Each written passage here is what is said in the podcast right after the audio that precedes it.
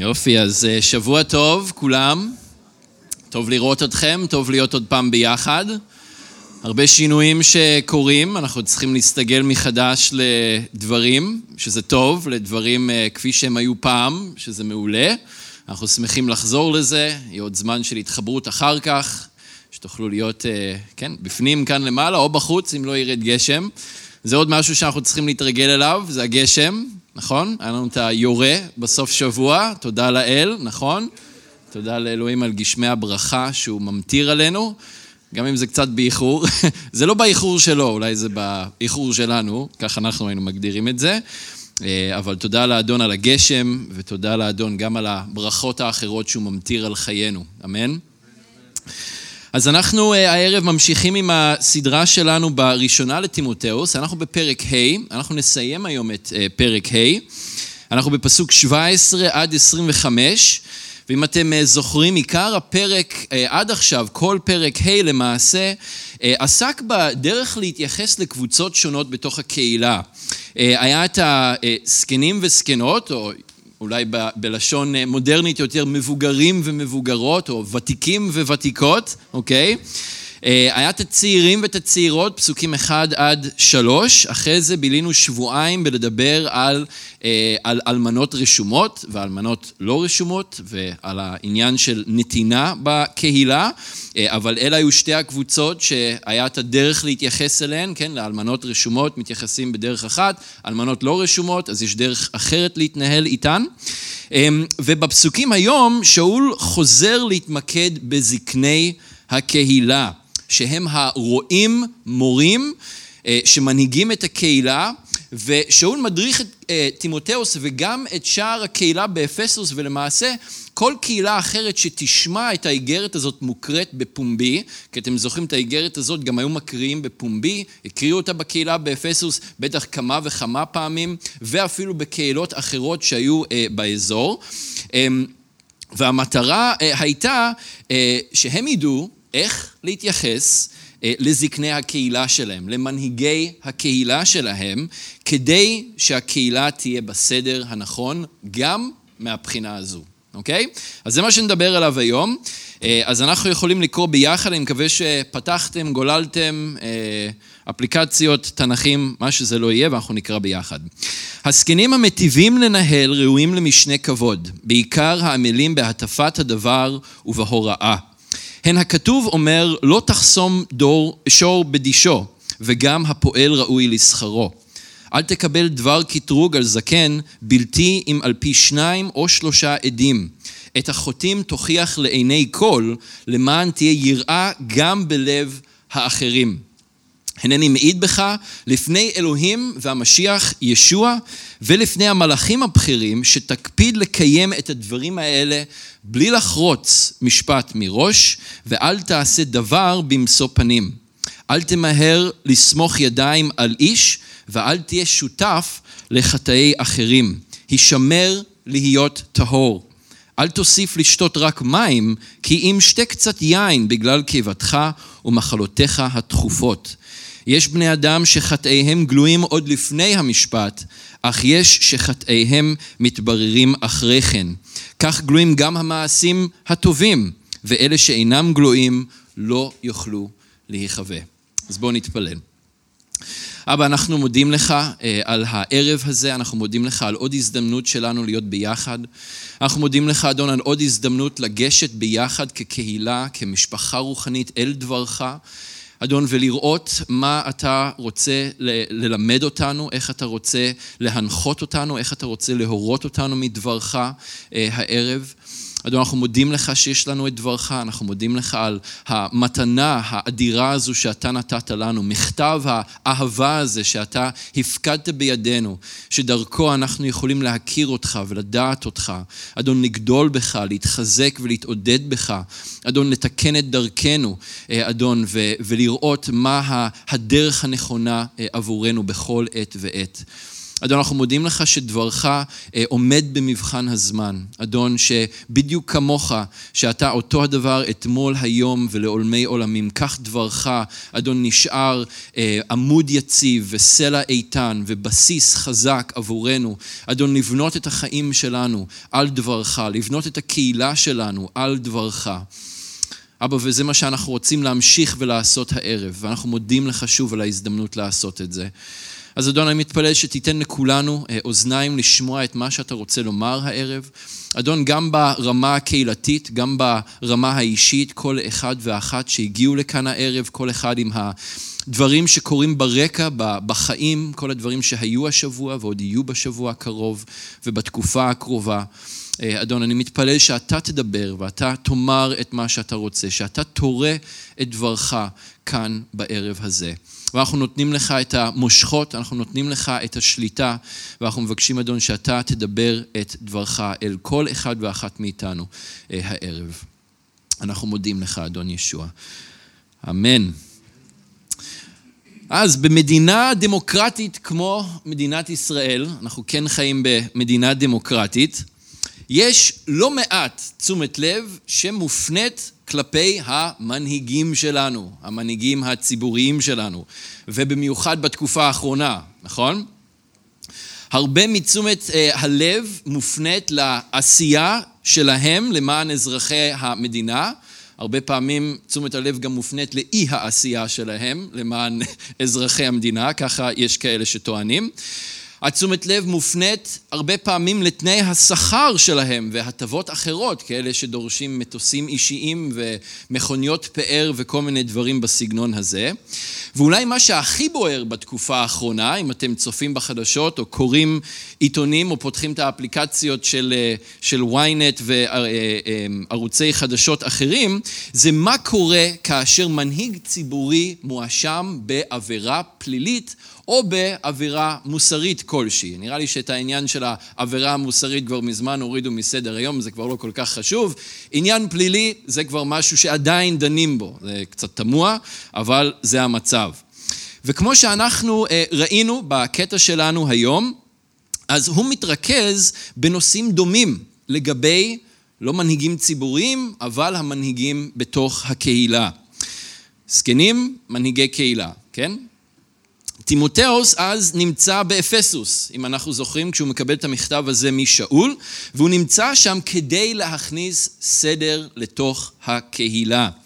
דבר שכולל הרבה אלמנטים, ולמדנו הרבה מהאלמנטים האלה כבר באיגרת אה, עד עכשיו, אבל אחד האלמנטים החשובים ביותר, אולי הכי חשוב, זה הסדר בקרב הנהגת הקהילה. כי אם יש סדר בראש, אז יהיה סדר בשאר הקהילה. אם אין סדר בראש, אז שאר הקהילה תיראה בהתאם. בפרק ג' כבר למדנו ועברנו ביחד על דרישות התפקיד של מנהיגי הקהילה. זוכרים שזה יותר התמקד בדרישות אופי, מיהו האדם, פחות בכישורים וביכולות שלו. גם קצת, אבל יותר מיהו האדם מאשר מהם כישוריו. וכאן עכשיו שאול חזר להתמקד אה, בדרך איך להתייחס לזקני אה, הקהילה, למנהיגי הקהילה. אז אני רוצה להתחיל דווקא מהסוף של הקטע, מפסוקים 24 ו-25, שמכאן אנחנו גם יכולים להבין מהי האמת לגבי זקני הקהילה.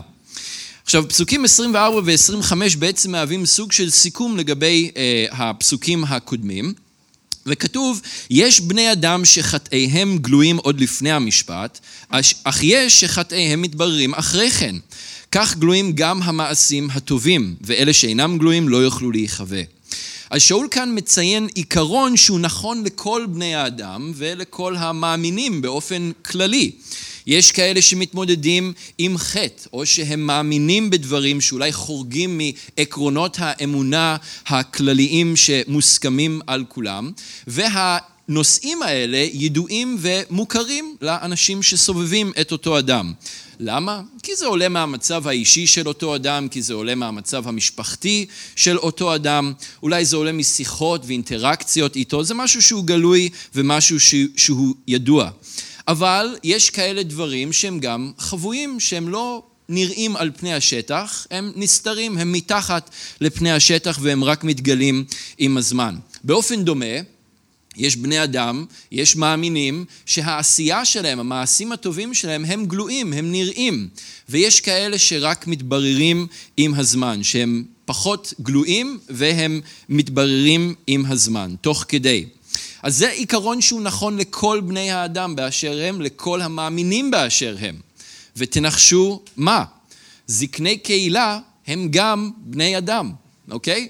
הם לא מלאכים, הם לא יצורים מיוחדים כאלה, הם פשוט מאוד בני אדם, אנחנו פשוט מאוד בני אדם. ושאול מייחס, אז הוא, הוא מציג את העיקרון הכללי הזה, אבל בהקשר של הפסוקים האלה הוא מייחס את העיקרון הזה לזקני הקהילה גם כן. אז כשיש אדם שהוא לא זקן קהילה, שהוא לא מנהיג בקהילה, והוא מתמודד עם משהו שלא תואם את דבר אלוהים, אפשר וצריך להוכיח אותו, באהבה כמובן, לעזור לו ולהביא אותו למקום של תיקון, שהוא יכול לתקן את דרכיו והוא יכול לחזור למקום שהוא הולך בדרך הישרה. מצד שני, כשיש אדם שמעשיו הטובים נראים, כן, בקרבנו או אה, בתוך הקהילה, אז אפשר לעודד אותו ולחזק אותו שימשיך בדרך האדון. כשזה נוגע לזקני קהילה, דבר אלוהים כאן בקטע שלנו, גם במקומות אחרים, נותן קווים מנחים ועקרונות לגבי אה, התאמה ומינוי של אה, מנהיגי קהילה, תיקון תוכחה והטלת משמעת קהילתית על מנהיגים מצד אחד, ושל הכרה והוקרה במנהיגים שעושים את עבודתם נאמנה מצד שני. וחשוב אה, לומר שכפי שאמרנו בעבר בהתייחס לדרישות ממנהיגים שדיברנו בפרק ג' ואני אתייחס כמה פעמים למה שנאמר או נכתב בפרק הזה, שזקני קהילה ושמשים לא נקראים להיות קדושים יותר מכל אחד אחר. כולנו נקראים לאותו סטנדרט, כן? דבר אלוהים זה הסטנדרט והוא תקף לכולם, למנהיגי קהילה ולמי שלא מנהיג קהילה באותה דרך. אבל המנהיגים כן נקראים להיות מופת לצאן, הם כן נקראים להיות דוגמה, אלה שהולכים בראש, אלה שמתווים את הדרך, אלה שמראים את הדרך. כמו שקורה בהרבה תפקידים הנהגתיים אחרים, כן, רואים את זה בהרבה מקומות, במיוחד נגיד בצבא. מה, מה הפסוק של הקצינים בצבא? ממני תראו וכן תעשו, ממה שנאמר אה, לגדעון או על גדעון. ממני תראו וכן תעשו. תסתכלו עליי ותעשו כמוני, הדוגמה האישית המופת. עכשיו אם נחזור רגע לדוגמה של המנהיגים הציבוריים שלנו, אז אני בטוח שאתם זוכרים את הזעם, כל המדינה זעמה כשאנחנו גילינו במהלך הקורונה שהמנהיגים שלנו, אלה שחוקקו את החוקים ששמו אותנו בבית ושמו אותנו בסגר ושמו אותנו בבידוד ושמו אותנו בריחוק חברתי, שאני חושב שאלו היו החלטות טובות ונכונות, כן, אני לא מערער על ההחלטות האלה, אבל מה שעורר את הזעם של כל כך הרבה אנשים, כולל אותי, זה שפתאום התגלה שהמנהיגים שלנו, שקבעו לנו את החוקים האלה, וגם לעצמם את החוקים האלה, הם בעצמם לא קיימו אותם. והם עשו ככל העולה על רוחם, הדברים האלה יצאו, ואני בטוח שאתם אה, זוכרים את, ה, אה, את הפרסומים השונים. זה לא להיות מופת, זה להפך, זה להיות דוגמה רעה, זה להיות צבוע, זה לקבוע מישהו, משהו למישהו אחד וללכת לעשות את הדבר ההפוך בעצמך. על המנהיגים מוטלת האחריות הגדולה יותר, ומכאן שיש גמול גדול למי שמטיב להנהיג ולהיות מופת לשאר הקהילה, לצאן, אבל יש גם השלכות משמעותיות למי שלא. זה הולך בשני הכיוונים. זה תמיד ככה, וזה תמיד אמור להיות ככה, גם כן. בגלל מה שמנהיג קהילתי מייצג, בגלל ההשפעה שיש למנהיגי הקהילה על החיים של האנשים בתוך הקהילה, ולמעשה על הקהילה ככלל, ואפילו באופן רחב יותר, על כל גוף המשיח, כן? אה, באופן רחב יותר, אז שאול הדגיש עקרונות כאן לטימותאוס, שנוגעים לשלושה תחומים שהיו מאוד רלוונטיים לקהילה באפסוס, ואני חושב שהם עדיין רלוונטיים בדיוק באותה מידה גם אלינו וגם לקהילות שלנו היום. אז שלושת העקרונות האלה נוגעים אחד לבחירה ומינוי של זקני קהילה, שתיים לשכר ופיצוי לזקני קהילה, ושלוש טיפול בטענות שעולות כנגד אה, אה, זקני קהילה וחטאים של זקני קהילה. אז אנחנו נדבר על שלושת הדברים האלה. למרות שהסדר של הפסוקים הוא אחר, אני רוצה דווקא אה, להתחיל עם הבחירה והמינוי של זקני קהילה, בפסוקים 21 עד 23. קודם יש את הגמול, כן, ב-17 ו-18, אחרי זה יש טיפול בטענות וחטאים ב-18 ב-19 ו-20, אבל אני רוצה קודם אה, להתייחס לאופן המינוי של זקנים, כי בעצם משם הכל מתחיל. ולאופן המינוי לרוב תהיה השפעה חיובית או שלילית משמעותית בהמשך הדרך. אם עושים את זה נכון בהתחלה, אז הסיכויים הם יותר גדולים שהדברים ילכו כמו שצריך בהמשך הדרך. אם עושים את זה לא נכון בהתחלה, סביר להניח שבהמשך הדרך יהיו בעיות.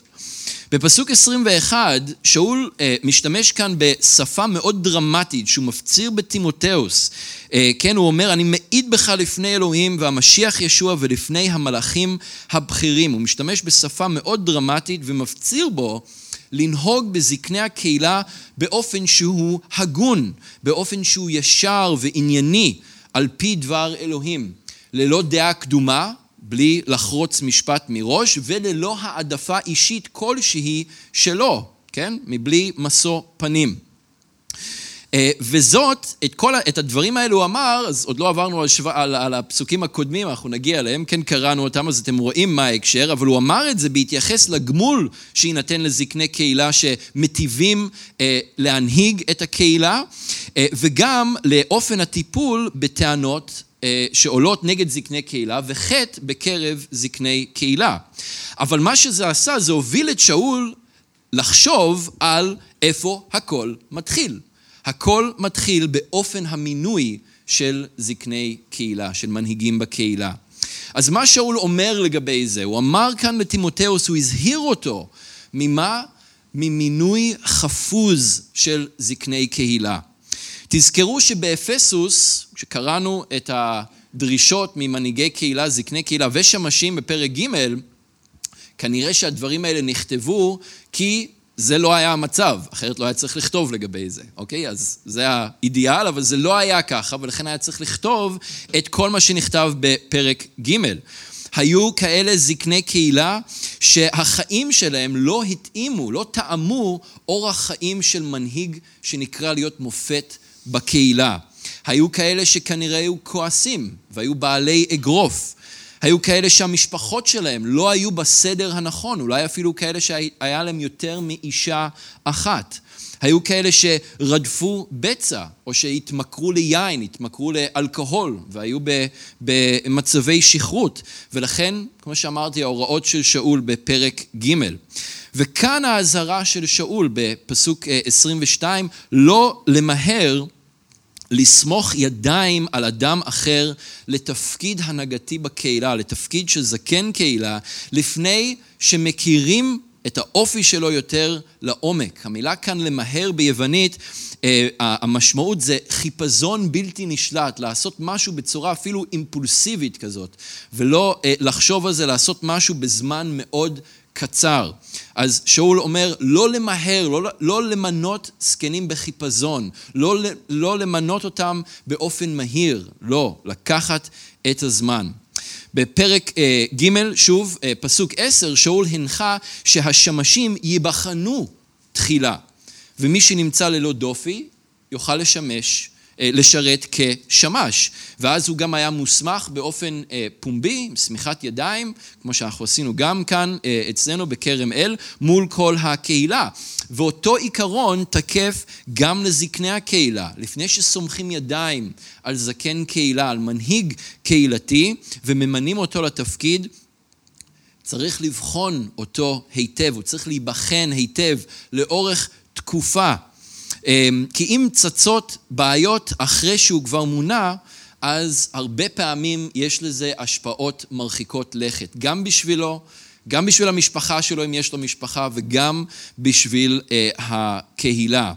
אה, ובין היתר, האחריות למצב כזה מתגלגל גם לאנשים שסמכו את הידיים שלהם, שהסמיכו ומינו את אותו אה, אדם.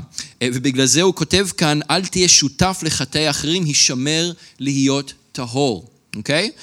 לפני אה, כמה שנים, זה היה בערך בתקופה שאני וקרן אה, אה, ניסינו, שהתחתנו, היה מנהיג אה, צעיר שהתחיל לקבל הרבה מאוד הכרה בארצות הברית. כשאני אומר צעיר, הוא היה בערך בין 30 ל-40, משהו כזה, בן אדם יחסית אה, צעיר. והרבה מאוד אנשים התחילו לנהור למפגשים שלו, לשירות שהוא היה עושה, הוא עושה מפגשים בכל מיני מקומות בצפון אמריקה ובכל מיני מקומות אחרים בעולם, וממש היו מגיעים עשרות אלפי אנשים. באיזשהו שלב זה תפס תאוצה גם באינטרנט, והיו משדרים את זה באינטרנט, ואיזה ערוץ טלוויזיה משיחי התחיל לשדר את האספות השפות האלה גם כן, אה, וזה פשוט הגיע לצפיות של מאות אלפי, אם לא מיליוני אנשים, ממש הרבה מאוד אנשים. אה, שצפו וממש התחילו אה, לעקוב וללכת אחרי המנהיג הצעיר הזה. וזה היה למרות שכבר אז הוא היה שנוי במחלוקת. הוא היה שנוי במחלוקת בגלל החזות הפיזית שלו ואיך שהוא היה בוחר אה, להציג את עצמו, בגלל איך שהוא היה בוחר להתלבש, בגלל איך שהוא היה בוחר להתבטא ולדבר והדברים שהוא היה מלמד והאופן שבו הוא היה מלמד אותם. אז כבר אז הוא היה שנוי במחלוקת, אבל הרבה אנשים הלכו אחריו והיו מתקבצים באירועים אה, שלו. האירועים עצמם גם לא היה בהם סדר, היו שם דברים די מוזרים שהיו קורים, אה, כן, דברים שהיו הרבה סימני שאלה סביב, ה, סביב האירועים האלה, היה הרבה בלגן, היו דברים גם שבאופן די מובהק אה, היו מנוגדים לדבר אלוהים. אבל למרות כל זה, מספר, היה מספר לא קטן של מנהיגים משיחיים בארצות הברית, שהחליטו שזה משהו שהוא טוב, הוא משרת נאמן של אלוהים, והם החליטו, הם באו ביחד, היה אירוע, והם סמכו את הידיים שלהם על אותו מנהיג באופן פומבי, בשידור חי מול, לדעתי, מאות אלפי אנשים שצפו אה, באירוע הזה. וסימני האזהרה נתנו את האיתותים שלהם במשך תקופה, אבל בסוף, אחרי האמת היא לא כזה הרבה זמן, התברר שאותו מנהיג ניהל מערכת יחסים בלתי הולמת עם אישה אחרת שלא הייתה אשתו, אה, והיו עוד כמה בעיות מוסריות שצצו אה, סביב אה, נושאים כספיים ונושאים אחרים שנגעו לחיים האישיים שלו. אותו אדם, אותו מנהיג, בסוף עזב את השירות בכלל, הוא גם התגרש מאשתו, ש... לא נכנס לפרטים שם, כן מוצדק, לא מוצדק, אה, אבל הוא התגרש מאשתו, ומאז הוא בעצם גם לא חזר בתשובה על המעשים אה, שלו. והיו הרבה שאלות, השאלות המהותיות הופנו, האמת היא פחות אליו, ויותר למנהיגים שידעו וראו והכירו, אבל שבכל זאת סמכו את הידיים שלהם עליו. וכמובן שזה גרם להרבה מאוד נזק, גם לאותם מנהיגים, אבל זה גם גרם הרבה נזק גם לגוף המקומי בארצות הברית. אה, בסופו של דבר, אגב, אותם אה, מנהיגים שהסמיכו אותו גם היו צריכים לצאת בפומבי ולהכריז שהם, אה, אותו איש לא חזר בתשובה מהמעשים שלו והם גם לא רואים בו כמישהו שמתאים לשירות בתפקיד הנהגתי משיחי כלשהו, וזה בעצם המצב עד עצם היום הזה. בספר במדבר, פרק אה, כ"ז, פרק 27, פסוקים 18 עד 23, אה, יש לנו את התיאור הקצר של אה, משה. שמסמיך, שסומך את ידיו על יהושע, זה שעומד לרשת אותו בקרוב. אז אתם, אם אתם רוצים, אתם יכולים לפנות לשם, אנחנו נקרא את הפסוקים האלה ביחד. כתוב, ויאמר אדוני אל משה, קח לך את יהושע בן נון, איש אשר רוח בו, ושמחת את ידיך עליו. והעמדת אותו לפני אלעזר הכהן ולפני כל העדה, וציווית אותו לעיניהם. אתה אה, שמחת אותו, הסמכת אותו לעיניים, אה, מול העיניים שלהם באופן פומבי. ונתת מהודך, או יותר נכון מהסמכות שלך אולי, זה אה, בעברית יותר מודרנית, נתת מהסמכות שלך עליו למען ישמעו כל עדת בני ישראל. ולפני אלעזר הכהן יעמוד ושאל לו במשפט ההורים לפני אדוני על פיו של יהושע יצאו ועל פיו יבואו הוא וכל בני ישראל איתו וכל העדה. ויעש משה כאשר ציווה אדוני אותו, ויקח את יהושע ויעמידהו לפני אלעזר הכהן ולפני כל העדה. זה היה פומבי, זה נעשה בפומבי, זה צריך לעשות בפומבי, אבל זה צריך לעשות בדרך הנכונה. ויסמוך את ידיו עליו ויצווהו כאשר דיבר אדוני ביד משה. אז בעניין הזה של סמיכת ידיים אין איזשהו כוח ממשי שעובר מבן אדם לבן אדם באמצעות צמיחת ידיים, אוקיי? כמו שבטבילה במים אין איזה כוח מיסטי שפועל בתוך המים שמשנה משהו, אוקיי? אבל ההצהרה והמינוי הפומביים, הענקת הסמכות, כמו שמשה עשה כאן עם יהושע, הוא נתן לו מהסמכות שלו, מול כל העדה, יודעים, זה עכשיו, יש לו תפקיד הנהגתי בעם. ואנשים ישמעו לו ויקשיבו לו ויש לו השפעה על אנשים. זה מה שמשפיע, זה מה שמשנה. וזה משליך גם על מי שסומך את ידיו. במיוחד אם מתברר שאותו אדם מוסמך, שממנים אותו, מסמיכים אותו, הוא בעל אה, דופי רוחני או מוסרי יותר אה, מאוחר. בהקשר הזה, אה, לשאול היה חשוב לא רק הטהרה הרוחנית של תימותאוס, אלא גם המצב הפיזי שלו. ובכמה מילים מאוד אישיות ואבהיות, אה, הוא הביע את הדאגה שלו למצב הבריאותי הפיזי של תימותאוס, כשהוא כתב לו בפסוק 23 מיד לאחר מכן, אה, לשתות מעט יין למען קיבתו ומחלותיו התכופות. אז רק לציין שהמיקוד כאן במילים של אה, שאול, בהנחיה הזו שלו, הוא לא על הנושא של שתיית אלכוהול, כן או לא. יש קטעים אחרים, הרבה יותר ברורים ופרטניים לגבי שתייה של אלכוהול, אכילה של מאכלים אחרים, ואיך אנחנו אמורים אה, להתייחס לנושא הזה אה, בהקשר של האחים והאחיות שלנו באמונה. אבל מה שהוא דואג עליו כאן זה המצב הבריאותי של תימותאוס, בעקבות כנראה מים שהוא היה שותה אז בעולם הקדום. המים היו די מזוהמים, הם לא כמו היום עם פילטרים וכל מיני דברים כאלה. אז הוא אומר לו, תשתה קצת יין, כי המעט אלכוהול שכנראה היה ביין בתקופה ההיא, היה גם עוזר לחטא גם את הבטן וגם את המים אה, עצמם. אבל איך זה התקשר לשאול פתאום הנושא הזה? איך הוא עובר מדבר אחד לדבר אחר בצורה כזו? אז הקשר זה הנושא של הטהרה, אוקיי? אה, כי לא פחות מהטהרה הרוחנית או המוסרית, גם הטהרה או הבריאות, אולי נקרא לזה, הפיזית, היא גם כן חשובה. אדם שהוא בריא, הוא זמין לשרת את אלוהים. אדם שהוא חולה ומרותק למיטה, לא יכול לשרת את אלוהים, גם אם הוא מאוד מאוד רוצה. זה היה נכון לטימותאוס, זה נכון למנהיגי קהילות, גם לשמור על הטהרה הפיזית, כלומר על הבריאות, על הגוף הפיזי אה, שלנו, וזה נכון גם לכל אחד אה, ואחת מכם. תשמרו על הגוף שלכם, על הגוף הפיזי. וגם על הנפש שלכם, זה חלק מה, מהגוף, אוקיי? אמ, כדי שאתם תוכלו לכבד את אלוהים בגופכם, וזה משנה איך אנחנו מתייחסים לגוף שלנו, וזה מה ששאול אומר לו. זה לא רק חשוב העניין של המינוי, ושאתה תישמר טהור בעצמך, ותחשוב טוב טוב את מי אתה ממנה להיות זקן קהילה, אבל גם תשמור על עצמך מבחינה פיזית. והעניין הזה הוא אה, רלוונטי גם אלינו.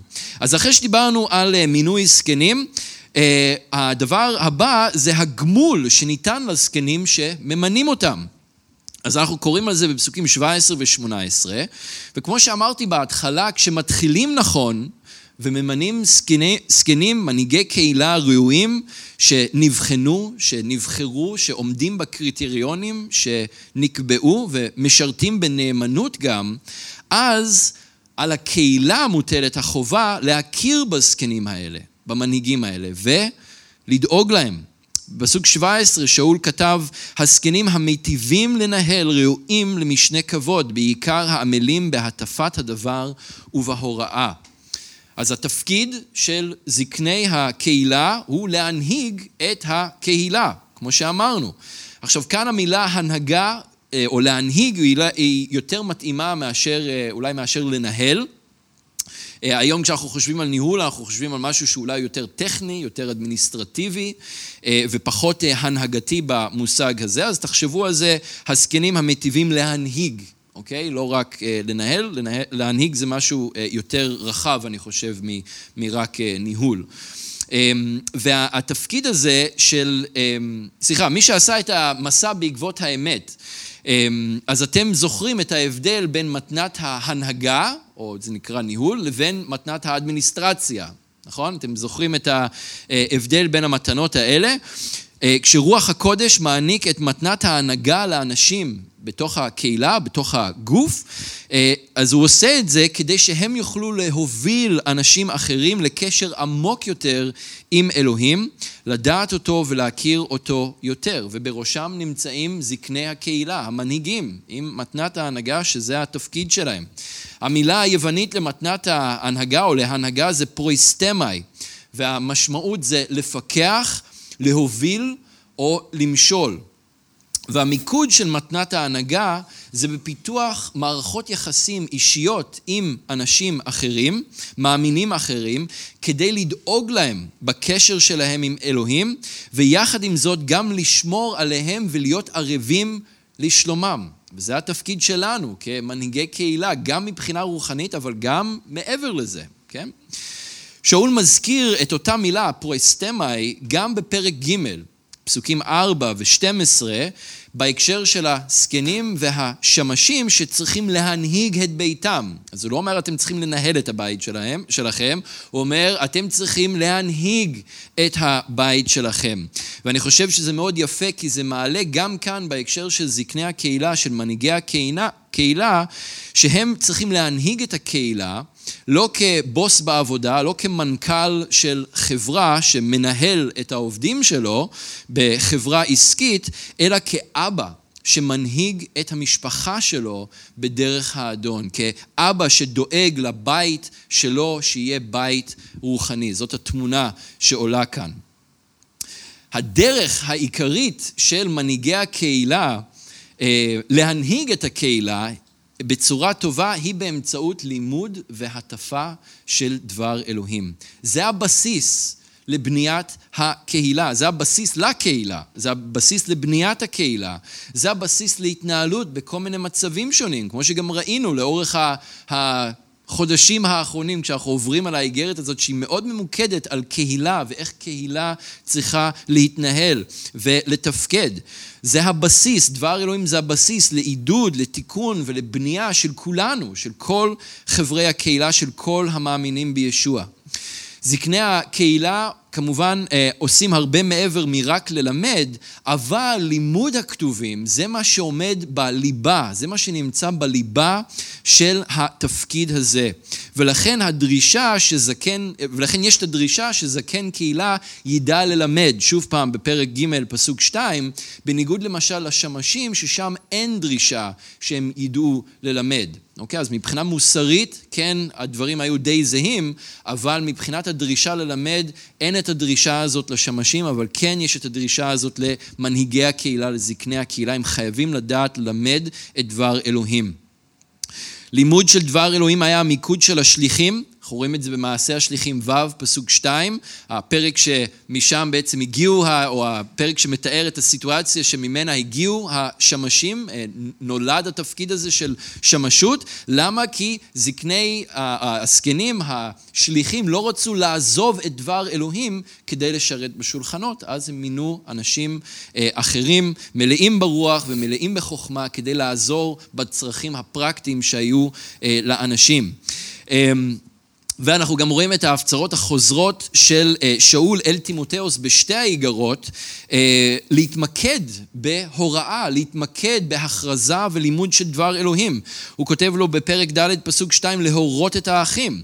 הוא כותב לו בפרק ד' פסוק 16 להשית את ליבו להוראה. וגם באיגרת השנייה בפרק ב' פסוק 15, לחלק נכונה את דבר אלוהים, וגם בפרק ד' פסוק 2 באיגרת השנייה, להכריז את הדבר. אז זה מה ששאול מעודד את תימותאוס, תתרכז בהטפה, תתרכז בהוראה, תתרכז בלימוד של דבר אלוהים, כי זאת המתנה שיש בך. זה לא דבר קל ללמד את דבר אלוהים. זה דבר שהוא מופלא, זה דבר שהוא מרתק, זה דבר שרואים את הכוח שיש בדבר אלוהים אה, לחולל שינוי בחיים של כולנו, אבל באותו זמן זה גם מסע כבד לדעת לחלק נכונה את דבר האמת.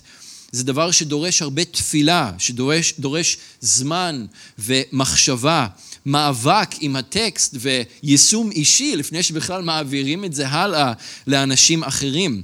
כפי ששאול מגדיר את זה אה, כאן, זה עמל, בעיקר העמלים בהטפת אה, הדבר ובהוראה. הוא מגדיר את זה כעמל, והמילה הזאת ביוונית היא מילה מאוד חזקה. היא מילה שמתארת עבודה סיזיפית שגורמת לעייפות עמוקה עד כדי עילפון. אוקיי? זו המילה שהוא משתמש פה, תחשבו אולי חקלאי שנמצא בשדה כל היום, חוזר הביתה, נופל למיטה, גמור לחלוטין, עייף לחלוטין, זה אותה, אותו מילה שהוא משתמש כאן אה, מבחינת העמל שהזקנים אה, אה, עושים אה, ב, בלימוד דבר אלוהים. עבודה שהיא מאוד מאוד דורשנית. ומעייפת. ולכן, בגלל שזה עמל כל כך קשה, הזקנים שהיטיבו להנהיג את הקהילה באפסוס, ובעיקר אלו שהקדישו את רוב זמנם בעמל, בעבודה של הטפה ולימוד דבר אלוהים, ראויים למשנה כבוד. וזה מושג שכולל בתוכו גם אלמנט של הערכה והוקרה, שאת זה אפשר אולי להבין באופן uh, טבעי, אבל גם דגש על גמול כלכלי. כלומר, על הקהילה לדאוג לצרכים הפרקטיים באמצעות שכר אה, כלכלי, כספי, של אותם אה, זקני קהילה, אותם מנהיגים אה, שמנהיגים את הקהילה בנאמנות, ובעיקר אלה שמשקיעים הרבה מהזמן שלהם בלימוד של דבר אלוהים. שאול מגבה את הדברים האלה בפסוק 18 בציטוטים משתי מקומות, גם מהתורה מדברים כ"ה 4 וגם ממה שישוע בעצמו אמר, אה, כפי שמתועד בבשורה של לוקאס פרק י' פסוק 7. אז בדברים כתוב לא תחסום שור בדישו, כלומר צריך לאפשר לשור, לא צריך לחסום לשור את הפה בזמן שהוא דש או בזמן שהוא אה, עובד הולך לו בשדה וחורש את השדה, צריך לתת לו לאכול תוך כדי. וכאן מנהיגי הקהילה צריך לתת להם לאכול, אוקיי, הוא צריך לספק להם את הצרכים מתוך הקהילה, מתוך המקום שבו הם עמלים, שבו הם אה, עובדים. וגם הפועל ראוי לשכרו, זה מה שישוע גם אמר אה, בלוקאס י' 7, אה, מי שעמל, מי שעובד, ראוי לקבל שכר. אה, וכאן בהקשר הזה שזה יבוא מהקהילה אל אותם זקנים שמשרתים. אז כאן בקהילת אה, כרם אל, בטוח שאתם יודעים שיונתן ואני אה, מתפקדים, משרתים כזקני הקהילה, כמנהיגי הקהילה, וקרן אשתי ביחד איתנו, ואנחנו מלמדים את דבר אלוהים בהקשרים שונים, גם כמו עכשיו, ביום שבת, גם במסגרות אה, אחרות. אנחנו גם מקבלים שכר מהעמותה, או מה, מהקהילה, שבעצם מאוגדת כעמותה, אה, שמגיע בין היתר מתוך הקהילה, גם מגורמים חיצוניים, אבל גם מתוך הקהילה, וזה בדיוק כפי שזה צריך להיות. אז אנחנו בדרך טובה מהבחינה הזו, אבל ככה אה, זה צריך להיות. וחשוב גם לי ולנו אולי לומר לכם, גם במעמד כזה וגם בצורה כזאת, שאנחנו כאן כדי לשרת אתכם. ואנחנו כאן למענכם, אנחנו לא כאן כדי לחמם את הכיסאות, ואנחנו לא כאן כדי ללבוש איזשהו טייטל, אה, ממש ממש לא, הדברים האלה לא מעניינים אותנו. מה שמעניין אותנו זה לשרת אתכם, מה שמעניין אותנו זה להיות כאן אה, בשבילכם. ורבים מכם גם אה, מוקירים אותנו על זה, ומביעים את ההערכה שלכם אלינו, ועל זה אנחנו גם מודים לכם, זה כמו רוח במפרשים שלנו, שנותן לנו את הכוח להמשיך הלאה. וזה דבר כל כך יפה, אני חושב שזאת גם התמונה שעולה כאן, זה היחסים האלה שנרקמים בין המנהיגים של הקהילה לבין החברים בתוך הקהילה. וזה הסדר הנכון, ואלה היחסים הנכונים אה, שצריכים להירקם בין הקהילה לבין המנהיגים שהם חלק מהקהילה גם כן. אז אנחנו מרגישים שזה ככה, ואנחנו גם אה, מאוד מקווים ומתפללים ומתכוונים שזה גם ימשיך אה, להתנהל ולהיות בצורה כזו, לפחות מבחינת הכוונה שלנו. הלוואי ואפשר היה לסיים בנימה האופטימית הזאת, אבל יש עוד כמה פסוקים שצריך לגעת בהם, וגם נושא שהוא אה, נושא לא קל, וזה אנחנו רואים ב-19 ו-20, הטיפול בטענות שעולות כנגד זקני קהילה, מנהיגים בקהילה, וחטאים של זקני קהילה. אז כמו שאנחנו כולנו מבינים, העולם שלנו הוא קלוקל, העולם שלנו מקולקל, ואנחנו גם כולנו מקולקלים. ועד שאנחנו נשתנה ויהיה לנו את הגוף החדש, עדיין יש בבשר שלנו, בגוף שלנו, את החטא, כן? כמו שגם שרנו, את, החטא הלוכד אותנו על נקלה. אוקיי? אז זה עדיין נמצא שם, אבל אנחנו במלחמה עם, עם החטא, אבל זה עדיין נמצא שם. וכמו שאמרתי בהתחלה, גם זקני הקהילה הם בני אדם. וכמו כל אדם, יש בנו חטא, אנחנו לא יותר טובים מאף אחד אחר. וגם אם זקן ממונה בדרך ובסדר נכונים, והוא באמת ראוי, והוא באמת מראה את האופי הנכון, ואפילו יש לו את חלק מהכישורים הנדרשים, זה לא מבטיח שבעתיד הכל תמיד יהיה ורוד. יכול להיות שזה יהיה ככה, אבל זה לא מבטיח את זה, שום דבר לא מבטיח את זה, ויכול להיות שיהיו מעידות של זקן קהילה כזה או אחר אה, בשלב מאוחר יותר. לצערי, יש אה, בהחלט מצבים כאלה שבהם מנהיגים פוגעים בצאן, בין אם זה בטעות, בשוגג, בין אם זה בזדון ובכוונה. יש כאלה מנהיגים שנופלים לחטאים שונים, מגניבה ושקר ועד לניאוף וחמדנות, והנה נתתי לכם דוגמה של זה אה, מקודם. אז מה עושים כשיש טענה שעולה כנגד זקן קהילה, כשיש טענה שעולה כנגד אה, מנהיג בקהילה, ומה עושים כשמתברר שאותה טענה או פשוט חטא אחר קיים בקרב אה, מנהיג בקהילה ואין חזרה בתשובה. אז כמו שכתוב בפסוק 19, אה, אל תקבל דבר קטרוג על זקן בלתי אם על פי שניים או שלושה עדים. כדי לקבל טענה, אוקיי? טענה על מנהיג בקהילה, צריכים להיות שניים או שלושה עדים שיכולים להעיד ולאשר את הטענה בפני שאר המנהיגים. זה אולי נשמע לכם אה, מוזר או לא הוגן, אבל זו הדרך של אלוהים בכתובים, אנחנו תכף נראה את זה בספר דברים. אז נכון, יכול להיות מצב שבו זקן או מנהיג קהילה לא יתנהג כראוי באופן כללי, כן? אה, או כלפי אדם מסוים בקהילה או מחוץ לקהילה, זה לא כל כך אה, משנה. אמ, ואין לכך עוד עדים. ואז זו בעיה, אבל יש דרך להתמודד גם עם זה, נראה בספר דברים. אמ, ומצד שני, יכול להיות גם מצב, וזה מה שצריך להבין, שיכול להיות מצב שבו איזשהו אדם אה, פשוט בודה סיפור. כדי לנסות ולפגוע במנהיג בקהילה, כדי לנסות ולהפיל אותו. אמ, וזה אולי קורה מתוך אי הסכמה, זה אולי קורה מתוך נקמה, זה אולי קורה מתוך קנאה, אולי זה בכלל קורה ממישהו שהוא מחוץ לקהילה והוא לא מאמין כי הוא רוצה לפגוע בקהילה, הוא רוצה לפגוע באמונה, הוא רוצה להכתים ולהכפיש את השם של האדון. וכשזה מגיע למנהיגי קהילה, למנהיג של קהילה, זה לא רק משפיע עליו, אז כמו שאמרנו, זה גם משפיע על כל שאר הקהילה, ובגלל זה המשנה זהירות שיש כאן אה, לגבי מנהיגי קהילה, אבל זה לא באמת שונה מאשר כל אדם אחר.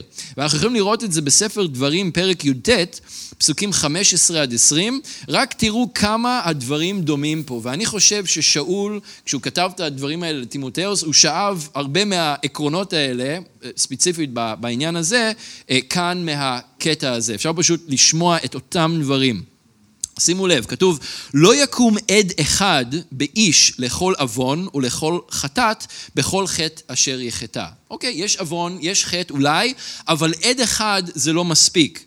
אה, באיש, כאן זה כל אדם, ההתייחסות כאן זה לכל אדם.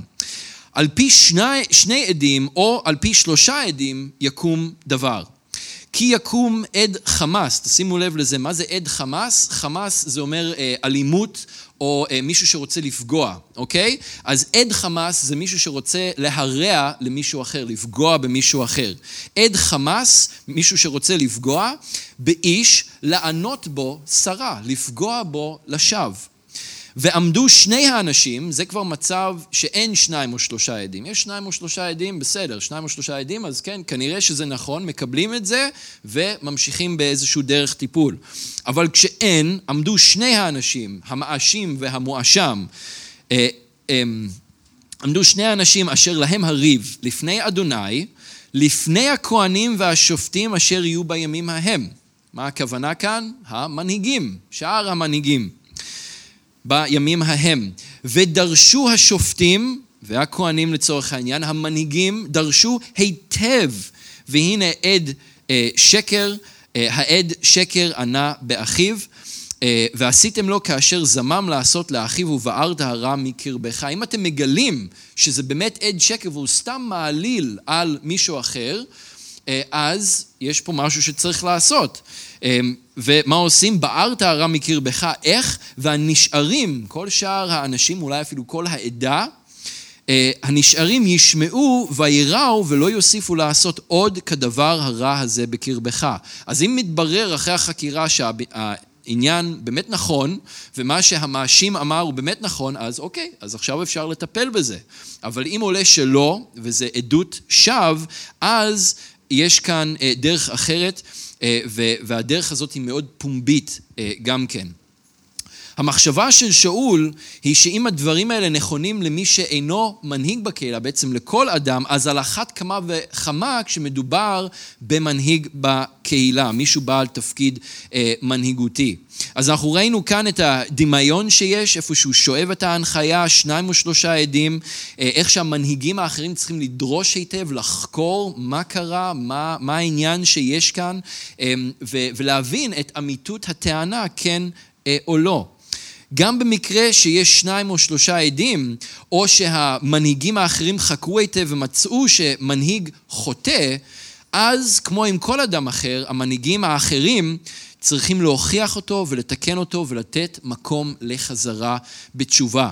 איך אנחנו מגיעים לזה? כי כתוב בפסוק 20, את החוטאים תוכיח לעיני כל, למען תהיה יראה גם בלב האחרים. אז אתם רואים פה את הדמיון למה שכתוב אה, בספר אה, דברים, אבל המילה כאן, החוטאים, נכתב בצורת הווה מתמשך. אז דרך אחרת אולי לקרוא את הפסוק הזה, זה את אלה שממשיכים לחטוא, אחרי שהוכיחו אותם ותיקנו אותם, ונתנו להם הזדמנות לחזור בתשובה, אבל הם לא עושים את זה, אז תוכיח אותם לעיני כל, למען תהיה יראה גם בלב האחרים.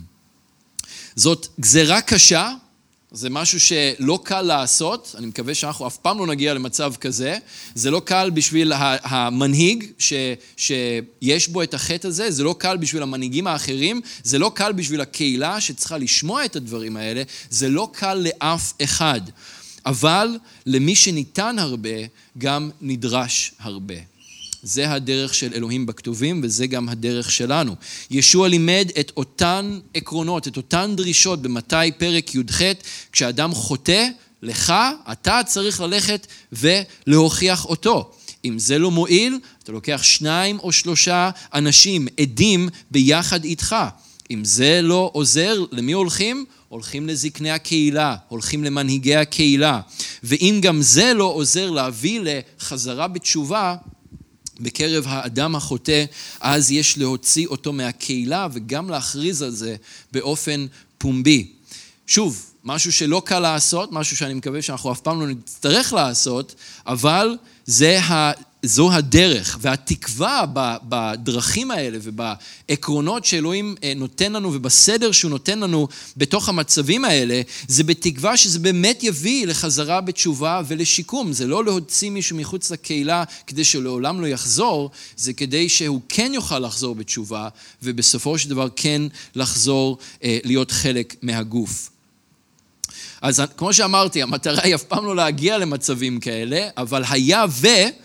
אז אנחנו יודעים שיש לנו סדר ויש לנו דרך בקהילה, בקהילת האדון לנהוג ולטפל במצבים כאלה, וזה לא לפי חוכמה ארצית, וזה לא לפי מה שנראה לנו הכי טוב או מרגיש לנו הכי נכון באותו רגע, אלא זה על פי חוכמת אלוהים בדברו. אז, מה אנחנו עושים עם כל הדברים האלה? קודם כל, זה חשוב שבתור קהילה אנחנו נכיר את העקרונות האלה, גם לגבי מינוי של זקני קהילה, גם לגבי הגמול שמגיע למנהיגים בקהילה, וגם לגבי אופן הטיפול בטענות שעולות כלפי מנהיגים בקהילה, וגם מנהיגים בקהילה שהם חוטאים באופן אה, מתמשך. אה, זה חשוב כדי שיהיה סדר כאן בכרם אל ובכל קהילה אחרת, גם בתחום הזה, גם בהקשר הזה, וגם כדי שיוכלו להמשיך ולהירקם היחסים הטובים והחמים והנכונים בינינו בתור מנהיגי הקהילה לבין אה, חברי הקהילה.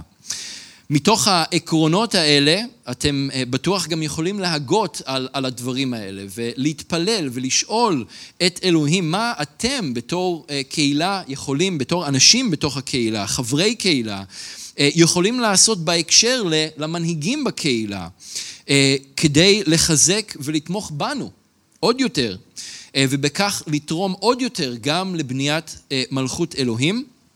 בין אם זה עכשיו כאן בכרם אל, או בין אם בעתיד אתם תהיו בעיר אחרת, או במדינה אחרת, ובקהילה אחרת, אז גם למנהיגים שיהיו בקהילה הזו שאתם תמצאו את עצמכם בה. כמובן שיש פה גם עקרונות אה, רחבים יותר שרלוונטיים לחיי היום-יום. אה, לא להיות נמהרים לקבל החלטות חשובות בחיים, אוקיי? לא ממהרים לסמוך ידיים או למנות זקן קהילה, זה תהליך, זה משהו שצריך לתת עליו את הדעת, זה משהו שצריך לבחון. וחוק האצבע אומר שהחלטות גדולות בחיים לא מקבלים על רגל אחת ולא מקבלים אותן בפזיזות. חושבים עליהם, מתפללים עליהם, בוחנים אותם, אוקיי? ואז אה, בדרך כלל אנחנו מקבלים אה, החלטות שהן אה, נכונות וטובות. תשמרו על הגוף שלכם, כמו ששאול הנחה את תימותאוס, תשמרו על הגוף שלכם. כדי שאתם תהיו חזקים ומסוגלים לשרת את אלוהים במה שהוא קרא אתכם לעשות. כל אחד, כל אחד ואחת מכם בחלקת אלוהים אה, שלו.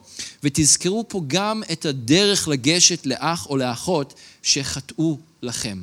דבר אלוהים מאוד ברור לגבי השלבים והדברים שצריך לעשות כשיש חטא. גם עם זקני קהילה, אבל גם בינינו, ביניכם, בינינו ובין עצמנו בתור אחים ואחיות אה, במשיח. וכשאנחנו ממלאים את העקרונות האלה, כשאנחנו לא עושים את מה שנראה לנו, מה שמרגיש לנו כטוב, אלא הולכים לפי דבר אלוהים, אנחנו גם נראה את הברכה של אלוהים. אנחנו נראה את, הפתר... את הפתרון למצבים שאולי הם קשים ולא אה, נעימים. אבל בשביל זה יש לנו את אה, דברו, כדי שנוכל ללמוד, כדי שנוכל להפנים וכדי שנוכל אה, ליישם. אז בואו נתפלל. אבא, אנחנו אה, מודים לך על אה, דברך, אנחנו מודים לך, אדון, על החוכמה שיש בדברך. אנחנו מודים לך, אדון, על העקרונות האלה שאנחנו גם למדנו הערב, אדון, ואלה דברים שנוגעים אלינו גם כקהילה, באופן כללי, כמשפחה רוחנית. אדון, אלה דברים שנוגעים אליי ואלינו כצוות הנהגה, אלה, אלה עקרונות שנוגעים לשאר חברי הקהילה. אדון, וגם אנחנו רואים פה את העקרונות האלה שנוגעים לחיים של כל אחד ואחת מאיתנו. אדון, ואנחנו רוצים להיות כאלה שמביטים אל תוך דברך, מביטים אל תוך המראה, אדון, ושומעים ומיישמים את דברך בחיינו. אדון, ואנחנו מודים לך על הברכה שיש בהליכה הזו באמת, בברכה שיש בציות לך. אדון, אנחנו לא רוצים לפעול לפי החוכמה שלנו, אנחנו לא רוצים להתעלם מדברך או לשכוח אה, את מה שכתוב בדברך. אנחנו רוצים להיות אלה ששומעים ועושים, ששומעים ומיישמים בחיים שלנו. אדון, ואנחנו חפצים להמשיך להיות קהילה שנבנית על הסלע. אדון, אנחנו מודים לך על האהבה שיש אה, בינינו אה, בתור קהילה. אדון, ואנחנו מתפללים שאתה תעזור לנו להמשיך להכניס אה, ולשמר את הסדר שלך כאן בקהילת כרם אל. אנחנו מתפללים, אדון, שאנחנו כמשפחה רוחנית נוכל להמשיך לגדול יחד באהבה. אדון, להיות כרוכים יחד בחבלי אהבה. אדון, וביחד באהבה לעודד ולחזק, גם לתקן ולהוכיח כשצריך אחד את השני. אדון, והכל כדי שמלכותך תיבנה, שרצונך יעשה, גם בשמ... כמו בשמיים, גם כאן בארץ. אז אנחנו נותנים לך כבוד ומודים לך בשם ישוע. אמן.